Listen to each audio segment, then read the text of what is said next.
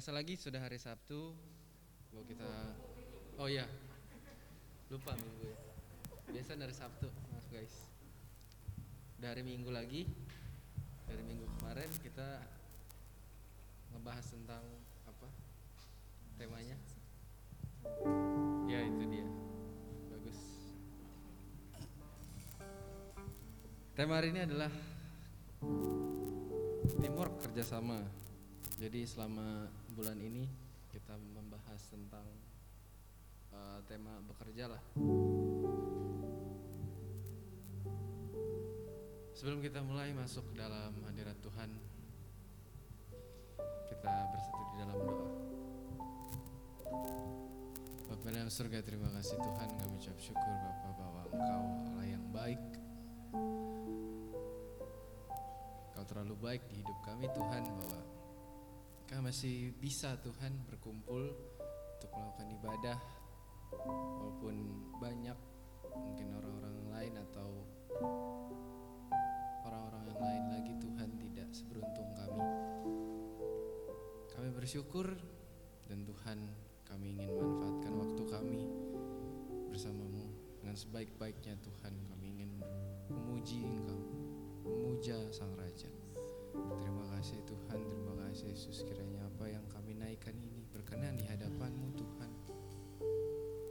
Ya Bapak kalau sebentar kami ingin mendengarkan firman-Mu juga, siapkan hati kami lewat puji-pujian ini Tuhan.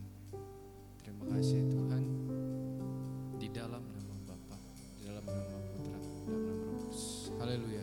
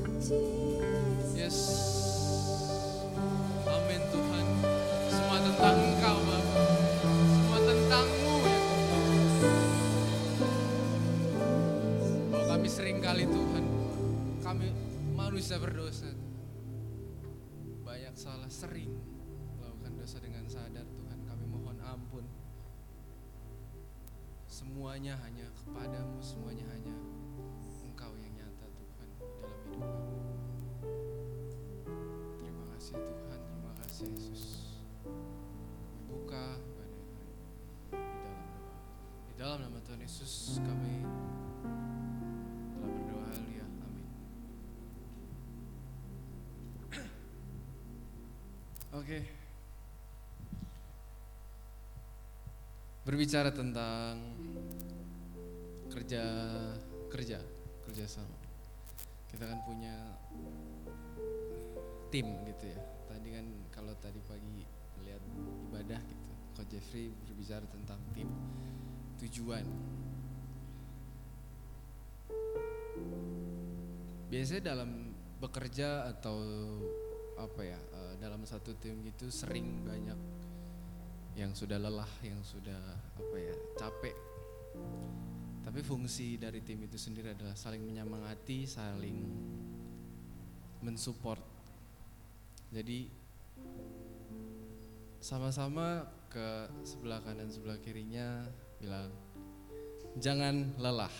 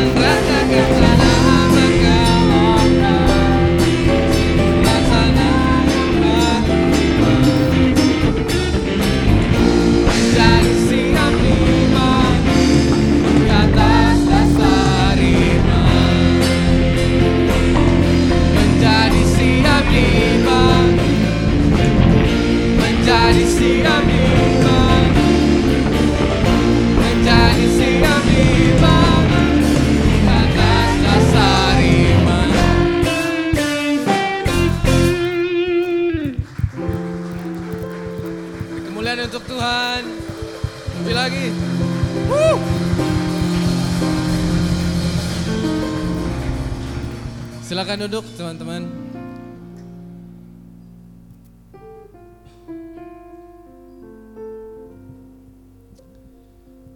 Ya, tadi berbicara tentang kerjasama atau tim. Pasti eh, di dalam suatu tim nggak bakal terbentuk tim kalau tidak ada tujuan atau arah atau visi. Tidak ada tujuan, tidak ada tim gitu. Kayak, pasti ada suatu tujuan, tapi dalam menggapai tujuan atau menjalankan tujuan tersebut biasanya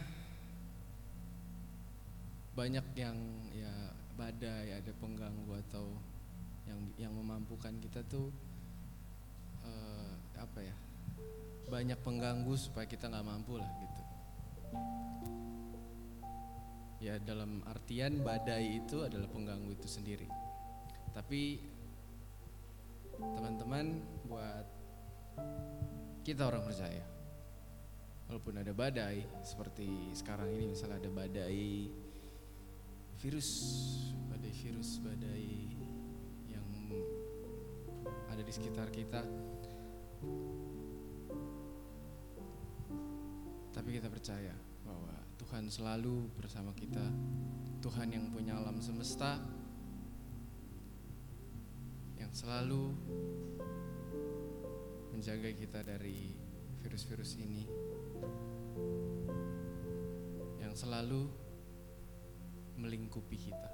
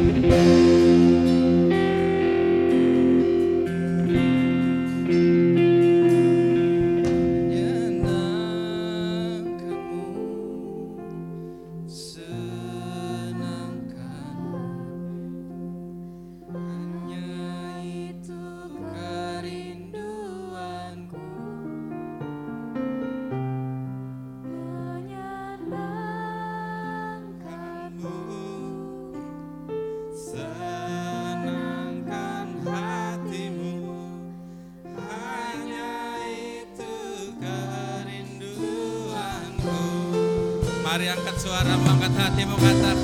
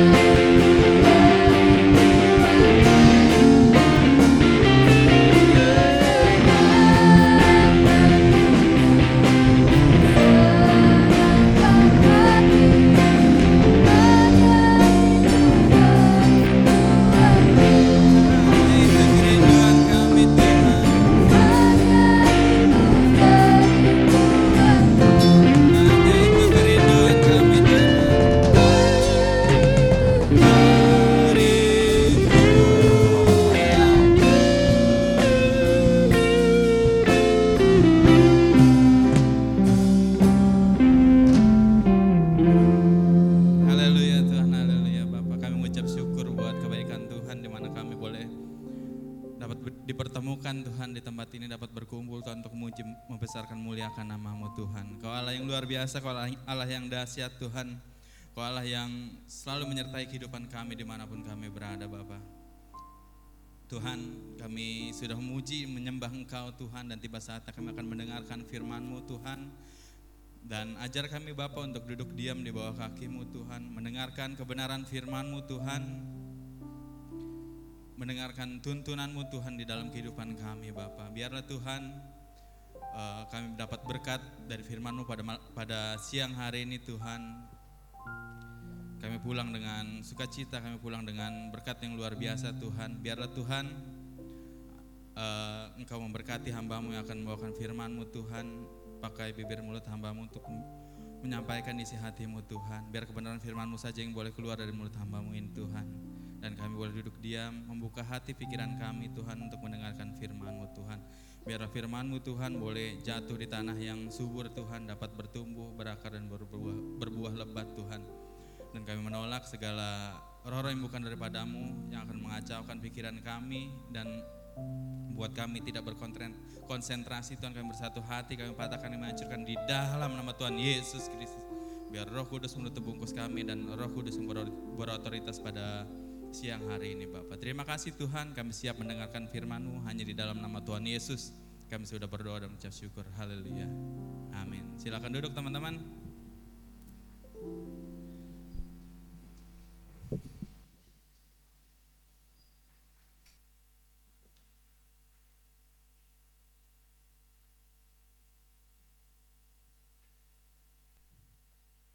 Shalom teman-teman yang diberkati oleh Tuhan. Apa kabarnya? Luar biasa ya, semuanya sehat? Amin ya. Eh, sebenarnya agak-agak berberat hati saya kalau nyuruh yang udah duduk nyaman tapi suruh maju ke depan tapi kayaknya ini agak-agak aneh gitu kelihatan. Boleh maju nggak? Yang di belakang atau yang di depannya kosong boleh diisi biar lebih dekat gitu kalau di ujung sana kejauhan. Ayo teman-teman. Emang udah enak sih posisinya kalau udah duduk. Gue dari awal di sini pakai disuruh pindah-pindah lagi gitu. Tapi biar firman Tuhan lebih didengarnya lebih ditangkapnya lebih ini lagi. Teman-teman bisa menangkap lebih luar biasa lagi firman Tuhan pada siang hari ini. Terima kasih buat responnya. Eh, siang hari ini eh, saya akan memba- membawakan firman Tuhan tentang teamwork seperti ternyata sama. Hampir mirip-mirip ini yang yang saya mau bawain sama Ko Jeffrey tadi gitu. Ternyata umum sama Yot sama ya? Oh baru tahu saya. Baru tahu. Ya pada hakikatnya manusia diciptakan eh, sebagai makhluk sosial teman-teman. Teman-teman eh, bukan makhluk yang sempurna yang bisa mengerjakan semua kerjaan tuh sendiri. Yang bisa nyelesain eh, pekerjaan yang berat, tugas yang berat dengan sendirian. Mungkin eh, pekerjaan-pekerjaan yang kecil bisa dikerjakan sendiri, tapi semua pekerjaan teman-teman nggak bisa kerjain sendiri. Maksudnya dari banyak semua pekerjaan gitu. Contohnya misalkan yang cewek suruh eh, nembok gitu dia bikin rumah sendiri gitu nggak mungkin kan? Ya mungkin ada yang bisa gitu tapi nggak mungkin juga gitu. Semuanya bisa dikerjain. Dia masak, dia bangun rumah, dia ngapain lah semua pekerjaan dia pegang gitu. Itu sesuatu yang tidak mungkin. Jadi manusia butuh bantuan orang orang lain. Waktu dulu sebelum saya pernah bekerja di kantor, saya mikir kenapa eh, di kantor kok orang yang kerjanya banyak gitu ya. Saya mikirnya kayak gitu beneran. Kenapa di kantor tuh orang kerjanya eh apa? Yang kerja di kantor tuh orangnya banyak banget gitu. Kenapa nggak tiga orang aja gitu? Nggak usah banyak-banyak. Ternyata setelah saya masuk ke eh, ke kantor, eh, saya baru tahu kalau ternyata kerjaan di kantor tuh banyak divisinya. Jadi ng- nggak satu orang tuh bisa megang semua gitu. Teman-teman yang kerja pasti udah paham, udah mengerti gitu. Dulu saya pernah mikir kayak gitu. Nah, makanya kita sebagai eh, manusia butuh bantuan orang lain untuk mengerjakan sua- sesuatu peker pekerjaan. Kalau seandainya semua orang bisa, eh, nggak ada bengkel, nggak ada apa ya, nggak ada tukang gunting rambut, gitu. karena semua bisa gunting sendiri. Tapi tentunya kita nggak bisa melakukan semuanya dengan sendiri gitu. Kita butuh bantuan orang lain. Itu contoh kecilnya. Kita buka dulu yuk di Lukas 5 ayat 17 sampai 19.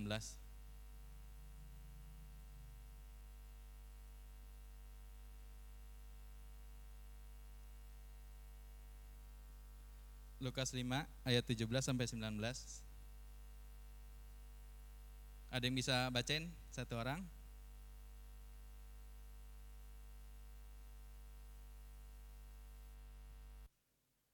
Oh, udah.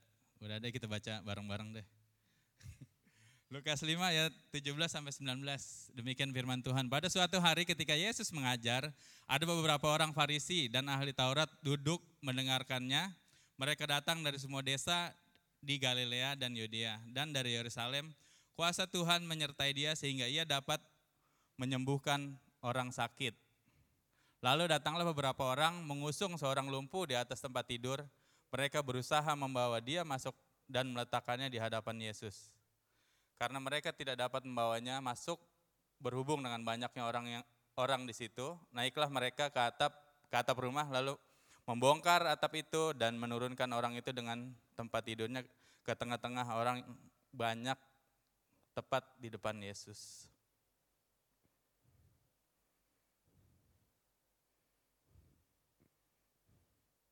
Ketika eh, orang orang lumpuh ini mau dibawa ke Yesus, kira-kira ada sepemikiran enggak? Tentunya ada ya. Jangan eh, dia pasti menentukan suatu apa kesepahaman dulu gitu. Ini kita bawanya seperti apa gitu. Ini kita kita jalannya lewat mana? Pasti semua sudah satu visi, satu misi, dan tentunya ada kerendahan hati di situ. Betul teman-teman? Nah ini contoh, suatu contoh di mana eh, adanya kerjasama, kerjasama tim. Ketika di zaman Tuhan Yesus. Mereka mempunyai satu visi, satu misi yang sama, kerendahan hati, tidak egois, saling menghargai, tidak mencari pujian, dan mereka bekerja sesuai dengan kapasitas mereka masing-masing tentunya. Kalau di tadi di Markus itu ada empat orang. Jadi kalau sebelumnya saya berpikir gini, di sini pasti ada yang orang yang yang apa tuh ngangkat nih empat orang gitu. Mungkin ada juga ada orang yang eh, bongkar apa namanya atapnya nih gitu. Jadi semua ada porsinya masing-masing mereka mengerjakan sesuai apa yang sudah mereka sepakati ber- bersama tentunya gitu. Sehingga orang yang lumpuh ini bisa sampai kepada Tuhan ya, Tuhan Yesus. Di sini butuh kerjasama tim, di- butuh kesepahaman, butuh satu visi, satu misi supaya semua dapat berjalan dengan dengan baik.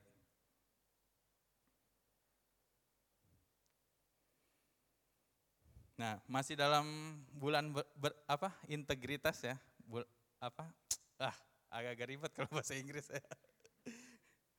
Ten- tentang integritas, tentunya orang Kristen adalah orang yang berintegritas, amin, amin. Yang bisa dilihat dari tingkah lakunya dan perbuatannya. Sebagai orang berintegritas, berintegritas pasti mempunyai tim teamwork yang baik. Nah, teman-teman sebagai orang Kristen di sini punya teamwork yang baik nggak? Tentunya punya ya. Pasti punya lah. Cuma antara teman-teman menyadari atau enggak gitu, teman-teman pasti punya.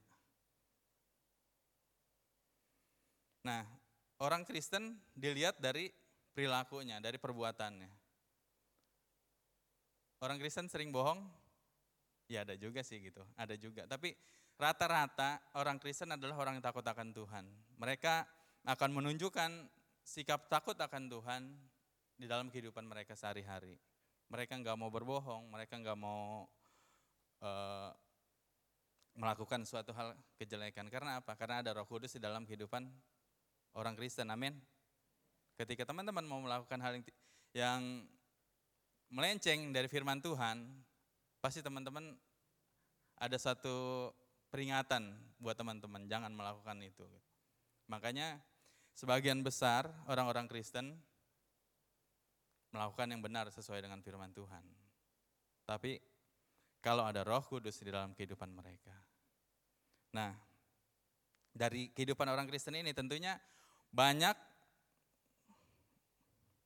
sorry, da- dari ya dari kehidupan orang Kristen yang berintegritas ini, banyak orang yang ingin mau bekerja sama dengan orang-orang Kristen tentunya.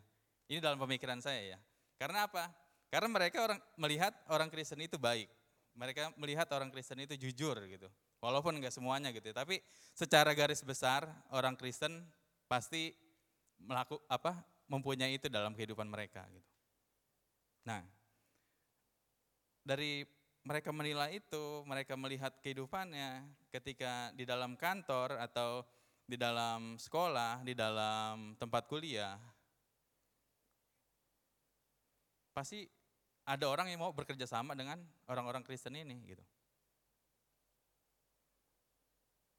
Ada yang mau kerja sama sama saya? tentunya butuh apa ya pengenalan terlebih dahulu gitu tentunya. Tapi kalau seandainya teman-teman dalam satu kantor gitu, teman-teman udah kenal gitu kehidupan si A, kehidupan si B, dan ketika teman-teman uh, dijadikan satu tim dengan Wendy misalnya gitu, ya karena teman satu kantor udah pasti mengenal Wendy gitu, oke lah gue mau. Tapi kira-kira dengan dengan siapa saya membandingkannya begitu? dengan orang yang berakhlak buruk lah begitu. Pastinya orang yang akan dijadikan satu tim ini akan menolak begitu. Karena apa? Karena perbuatan orang itu dari kehidupan sehari-harinya aja udah nggak benar gitu. Kalau gue satu tim sama dia, pasti tugas apa yang diberikan dari kantor pasti nggak benar gitu. Nggak akan beres, pasti ngerjain gue sendiri. Tentunya kalau kerja sama tim, semua bekerja dengan pekerjaan masing-masing gitu. Sesuai job desk masing-masing ketika mereka mendapat suatu proyek.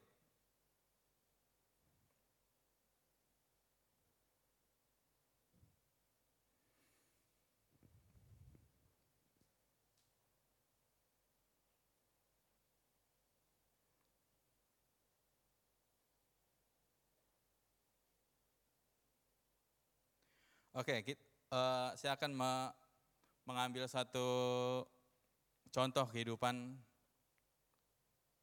uh, kehidupan Yusuf dalam perjanjian lama. Yusuf adalah orang yang disertai oleh Tuhan, amin. Teman-teman uh, udah pernah baca kitab kejadian? Ada yang belum pernah baca kitab kejadian? Udah semua ya? Jadi kalau saya bicara tentang Yusuf, teman-teman pasti tahu gitu. Yusuf itu anak siapa? Ayub ya. Kok Dio? Yusuf anak siapa? Anak siapa? Udah baca belum? Ini kitab kejadian, kitab paling paling awal di kitab perjanjian lama. Yusuf adalah anak Yakub, dia 12 bersaudara, itu uh, kal kisah ini ada di kejadian 37 sampai kejadian 3, 50 itu menceritakan tentang uh, kehidupan Yusuf. Nah, Yusuf anak saya terkecoh sendiri dengan ituan saya nih. Anak Yakub ya, anak Yakub. Uh, dia dijual oleh kakaknya kepada orang Ismail. Nah, ketika dia dijual, tentunya ketika orang dijual nggak punya apa-apa dong, nggak bawa emas, nggak bawa dompet gitu, nggak bawa apalah, karena dia dijual gitu. dan dijual lagi kepada eh, Potifar, eh, pegawai istana Firaun. Nah, ketika dia dijual, dia tidak punya apa-apa. Tapi Yusuf orang yang diberkati Tuhan dan disertai Tuhan. Dia orang yang berintegri, integritas. Apa pun yang dia kerjakan Tuhan buat ber, berhasil. Nah, eh, khotbah saya sih di sini nggak ada poin-poinnya teman-teman. Teman-teman, eh, saya kasih eh, contoh suatu kehidupan Yusuf sebagai teladan kita dan bisa kita tiru gitu. Nah, Yusuf di dalam rumah Potifar dia bekerja dengan baik, dia bekerja dengan maksimal, sehingga dia diangkat menjadi eh, orang kepercayaan di dalam rumah Potifar. Nah, ketika dia mengerjakan pekerjaannya, Tuhan buat berhasil. Dan ketika dia eh, menjadi pemimpin di dalam rumah Potifar, tentunya punya anak buah enggak? Kan baca dulu deh di kejadian 39 ayat 4 sampai 6.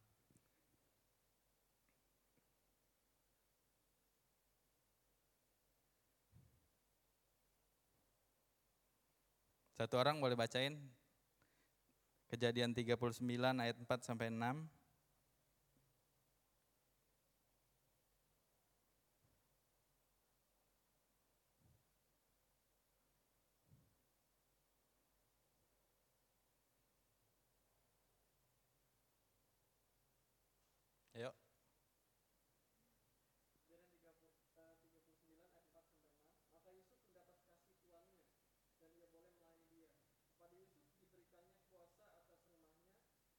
segala miliknya diserahkannya pada kekuasaan Yusuf. Ayat yang kelima, sejak ia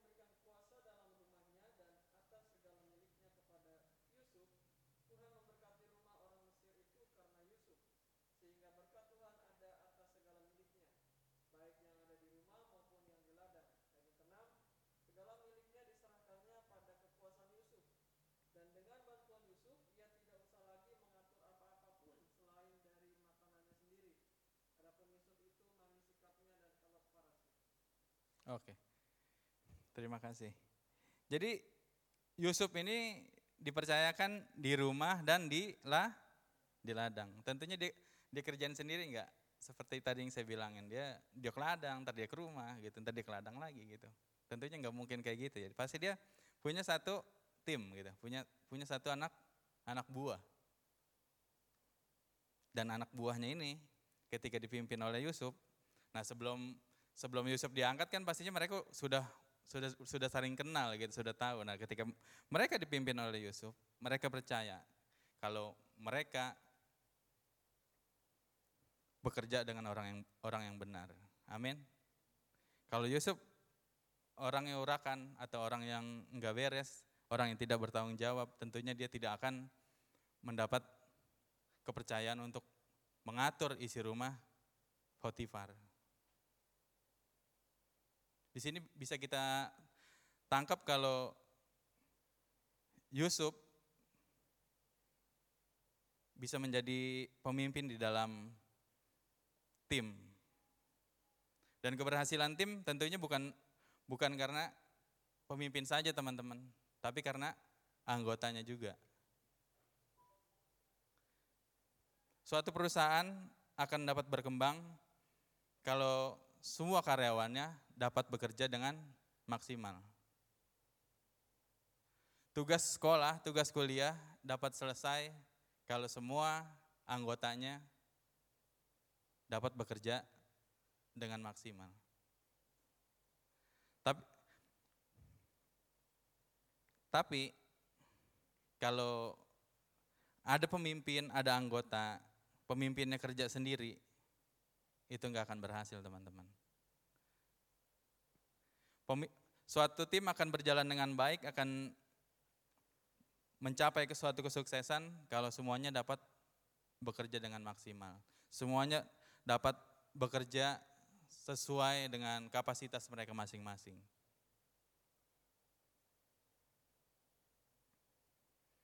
Jadi nggak ada pencapaian yang luar biasa tanpa kerjasama yang baik. Amin. Dalam semua aspek, dalam semua kehidupan, semua butuh kerjasama yang baik. Semua butuh tim yang kompak. Tim yang tadi saya bilang tuh yang merendahkan merendahkan hatinya, yang menganggap orang lain lebih penting, yang menghargai orang lain, tidak egois, dan punya punya visi dan misi yang sama.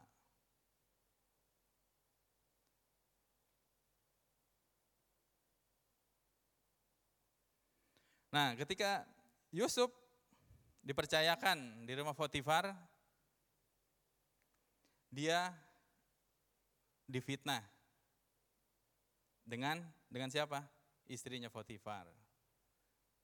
Kalau dia mau eh, sebenarnya dia diajak ini eh, dia bahasanya apa ya? Kalau ya Yusuf diajak tidur dengan istri Potifar. Tapi dia menolak setiap hari, dia eh, dibujukin, dia Yusuf sebagai orang yang berintegritas, dia tidak tidak mau berdosa kepada ah, kepada Allah. Dia tetap berdiri pada pendiriannya. Sebagai anak-anak Tuhan, sebagai orang Kristen, tentunya ketika orang-orang Kristen dihadap, dihadapkan eh, dengan keadaan seperti itu, pasti dia juga akan meno, menolak. Amin. Amin apa amin? Orang Kristen ketika dihadapkan seperti dengan keadaan Yusuf sebagai kalau dia memang benar sebagai orang Kristen, dia pasti akan ma- menolak. Kalau yang mengikuti berarti dia belum belum apa maksudnya? Dia belum menjadi orang Kristen yang benar. gitu. Maksudnya kalau eh, orang Kristen ini diposisikan se- sebagai Yusuf, tapi dia mengikuti kemauan istrinya Potifar ini, kalau menurut pemandangan saya, dia bukan orang Kristen yang yang benar-benar Kristen gitu. Dia masih butuh eh, bimbingan untuk menjadi orang Kristen yang yang benar-benar Kristen.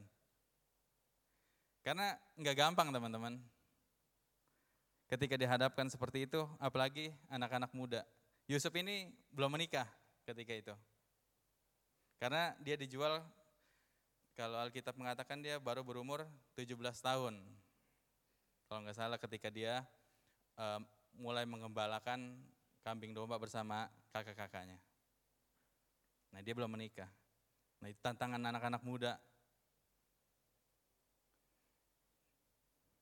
Jadi teman-teman perlu ingat, teman-teman orang Kristen ketika dihadapkan hal-hal dengan dengan hal-hal yang seperti itu, teman-teman harus berpegang teguh, takut akan Tuhan. Amin. Takut akan Tuhan, amin.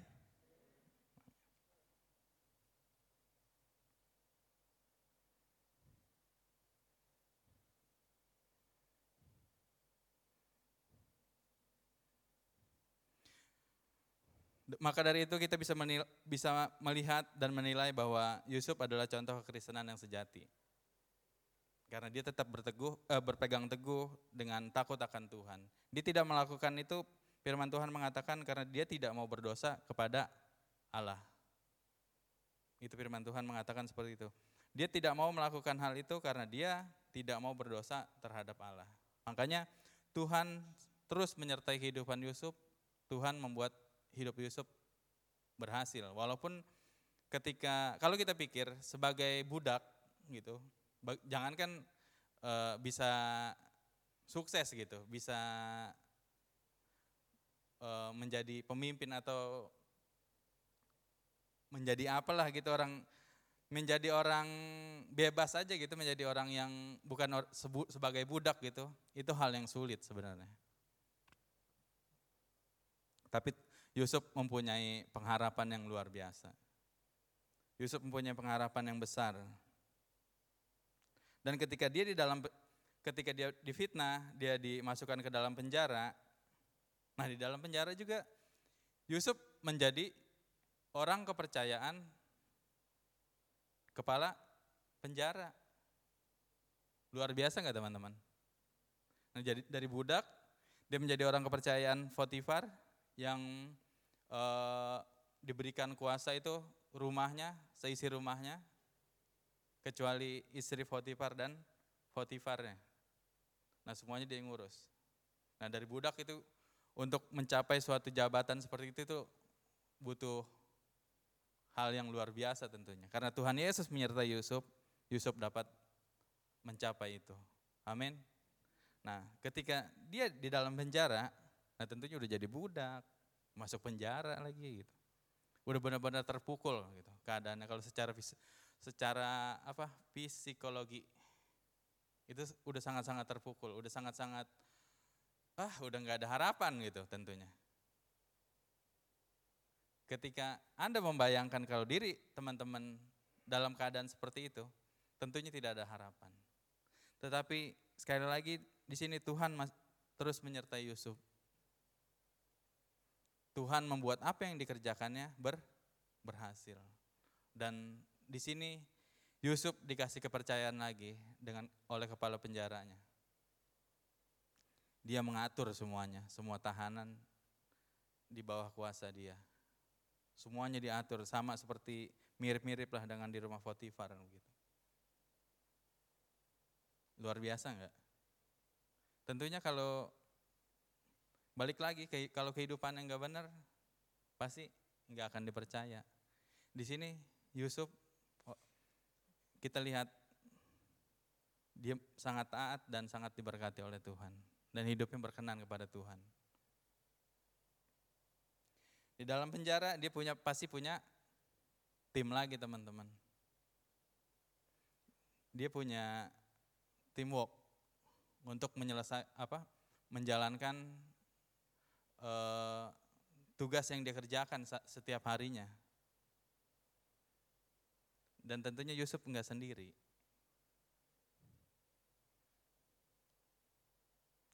Nah di sini kita sebagai orang Kristen, apakah bisa kita masuk di dalam suatu tim yang bisa men- mengerjakan semua tugas-tugas dengan baik. Dapat bekerja mengerjakan pekerjaan dengan baik.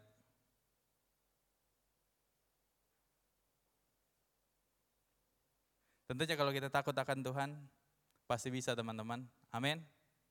Terus andalkan Tuhan. Sama seperti Yusuf. Yusuf terus mengandalkan Tuhan, dia takut akan Tuhan. Memang tidak dijelaskan secara rinci apa yang dia kerjakan sehari-harinya gitu. Tapi tentunya Tuhan sangat member- memberkati kehidupannya dan dia berhasil gitu. Membuat apa yang dia kerjakan selalu berhasil.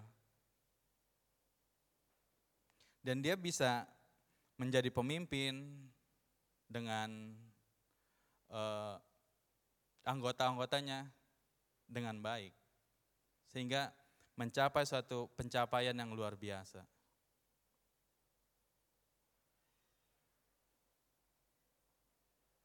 Nah, ketika kita melihat keberhasilan orang lain dengan eh, timnya mereka gitu, dengan suatu tim kerja yang baik di dalam kehidupan keluarga, kehidupan masyarakat, dalam sekolah, pekerjaan kita, di mana pun itu, jangan pernah tem- teman-teman berkecil hati gitu. Kalau memang teman-teman belum berhasil, terus andalkan Tuhan, terus percaya kepada Tuhan. Kita mau mencontoh teladan Yusuf. Dia dari nol, benar-benar dari nol teman-teman. Tentunya dengan teman-teman yang sudah punya pendidikan, punya pengalaman hidup, pastinya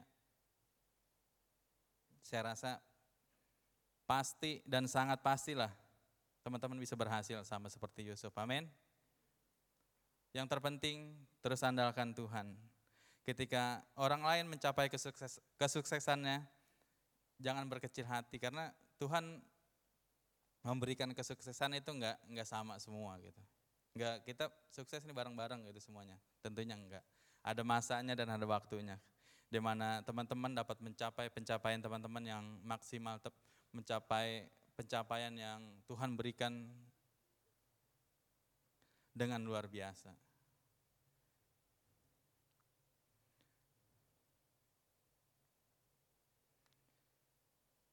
Ketika kita menjadi timnya Tuhan, Tuhan pasti memperhatikan anggotanya, yaitu kita. Amin. Jadi di mana pun kita berada, andalkan Tuhan dan terus takut akan Tuhan. Dan terus percaya kepada Tuhan, kalau Tuhan selalu menyertai kehidupan kita.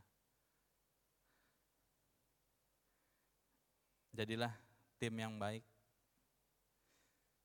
tim yang dapat diandalkan di mana pun teman-teman berada sehingga ketika orang melihat itu, nama Tuhan dipermuliakan. Amin. Terima kasih teman-teman. Firman Tuhan sampai di sini. Saya undang tim musik maju ke depan dan WL. Semoga kita dapat menjadi satu tim yang besar, tim yang luar biasa, tim yang bisa diandalkan oleh Tuhan untuk kemuliaan namanya. Amin. Saya undang teman-teman bangkit berdiri.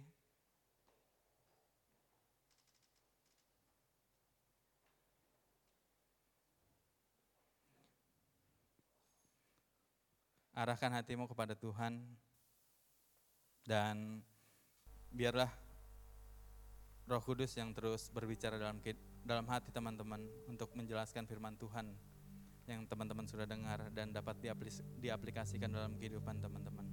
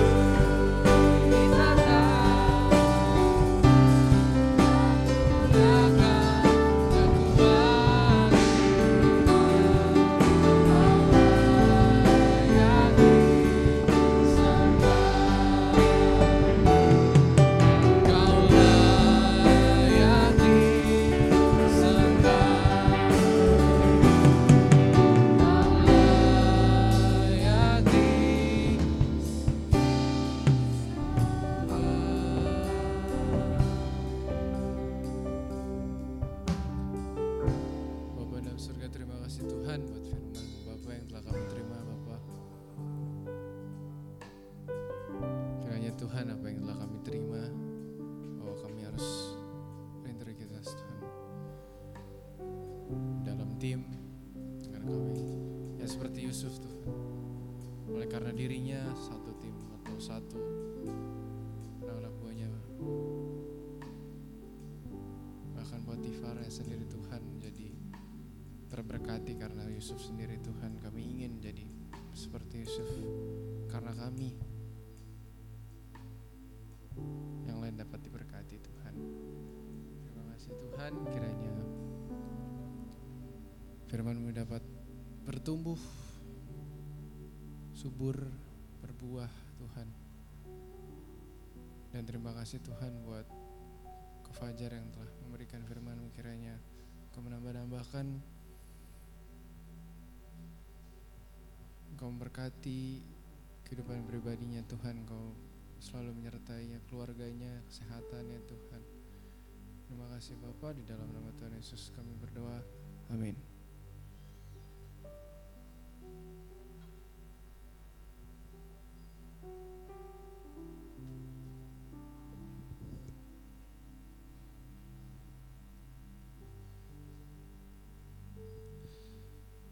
Oke, silakan duduk. Belum lihat saya tadi. Mohon maaf ya guys.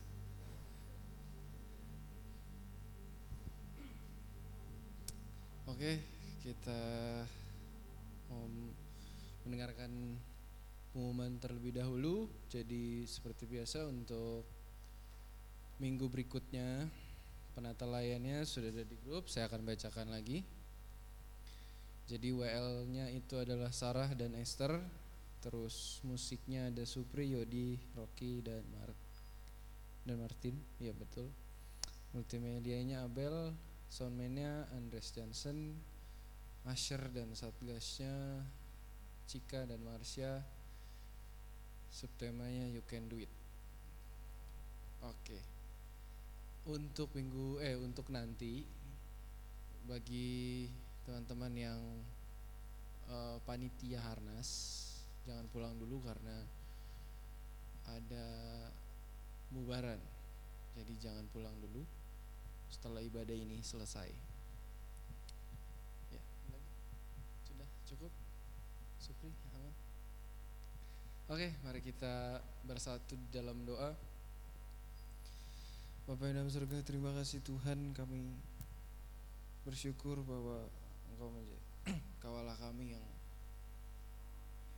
dahsyat Engkau Allah kami yang hebat Tuhan. Kami mengucap syukur buat firman yang telah kami terima juga Tuhan.